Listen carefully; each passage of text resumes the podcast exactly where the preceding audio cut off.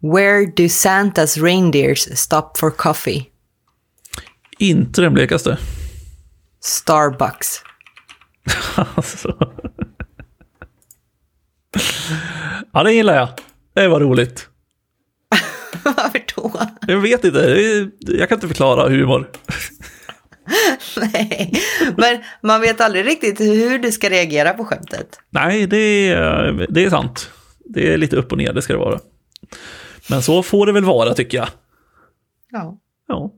Ehm, skulle vi ha inlett avsnittet med att sjunga Sankta Lucia kanske, i och med att det är Lucia idag? Ja, eller vad den här natten går tunga fjät? Ja, exakt. Ja. Då hade vi för sig tappat alla lyssnare om jag hade sjungit här. Men eh, så kan det kanske vara lika bra att det inte blev av. På tal om det så borde alla hugga Anton och köra karaoke någon gång, för det är en av hans toppgrenar, så att säga. Det är, det, det är en upplevelse om inte annat. eh, vi är då på lucka 13 som de flesta kanske har förstått. Eh, och i dagens lucka så tänkte jag tipsa om någonting som jag ändå har pratat en del om i podden förut, men som tål att upprepas. Och det är den här lilla CSS-selektorn som heter HAS. Som väl börjar bli redo att kunna användas i produktion.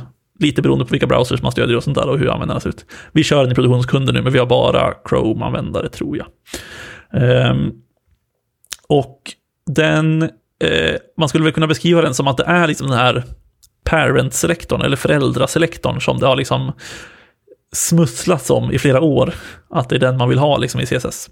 Och det, det den går ut på är egentligen att du kan, så här, du kan targeta, eller du kan selekta, liksom typ säga så här, ja men du har en div och om den diven has säg vilken selektor som helst, till exempel om den har typ ett eh, direkt barn som är en eh, p-tagg, eller vad fan det kan vara, ett p-element.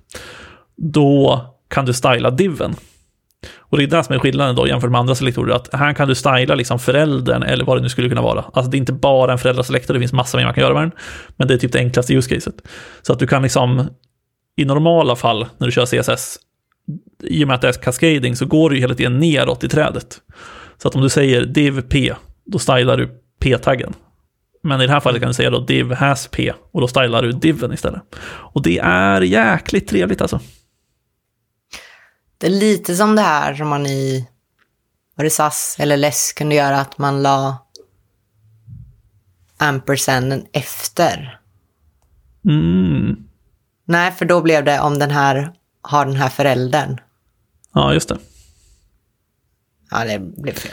Ja, precis. För det här är ändå, det är ändå något som inte riktigt har gått i CSS innan tror jag. Nej.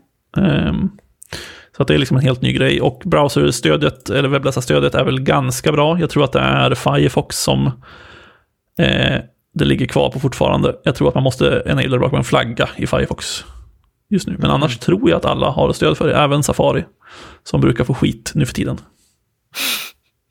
Men är det här ett helt nytt sätt att börja tänka med CSS då? Alltså man börjar tänka åt andra hållet nu? Nej, alltså det, är de, alltså det är inte alltid att man behöver det. Alltså så här, man har ju kunnat bygga de mesta sakerna förut i CSS också. Men det blir lite enklare nu att kunna säga så här att ja, men om den här har det här barnet så stylar den så här.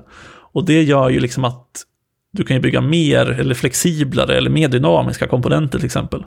Som säger så här, ja men om den här har en bild i sig så ska den stylas så här till exempel. Eh, om du har typ ett card och sen så har den, om den har en bild i sig, ta bort margin till exempel, eller vad det nu kan vara, för att, eller padding, för att bilden ska gå ut i kanten. Eller något liknande. Mm. Mm. Mm. Mm.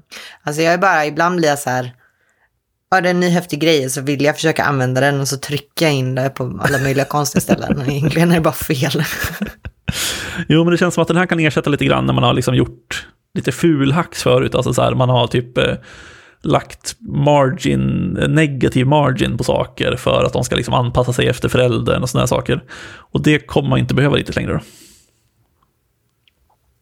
Negativ margin. Ja, det är, det är väldigt bra att kunna göra tycker jag. Det sjukaste jag hört. Hur ofta gör du det?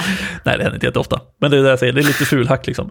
Men det kan ju vara typ om du vill att den ska bryta sig ut ur sin container. Alltså så här, du har en, eh, jag vet inte vad kan det vara? Ja men typ på min hemsida så har jag liksom en bloggposter med kodblock på, eller kodexempel. Och då vill jag liksom att de kodexemplen ska vara bredare än vad textcontainern är, även fast de ligger i textcontainern. Så att de liksom sticker ut lite på kanten. Eh, och då tror jag jag har negativ margin på dem. Ja, det, går, det har faktiskt sina use case. Så jag har börjat bli mer så här att, eh, ja ja, men det är bara negativ margin och det är så det funkar, så låt oss jobba med det. Typ att jag skulle göra något någon gång där man skulle uspa lite, så man skulle lägga som en wall över grafiskt, mm. liksom, då blir det negativ margin. Nu gick vi in på andra saker. Ja, men det är, ändå, det är ändå vettigt. Eh, och som sagt, då kanske man inte behöver det lika mycket om man kör HAS. alltså det beror på use caset. Men jag tycker man ska testa i alla fall och läsa på lite grann, för den är väldigt bra. Och eh, det finns extremt mycket roliga exempel där ute nu, hur man kan använda den. Cool.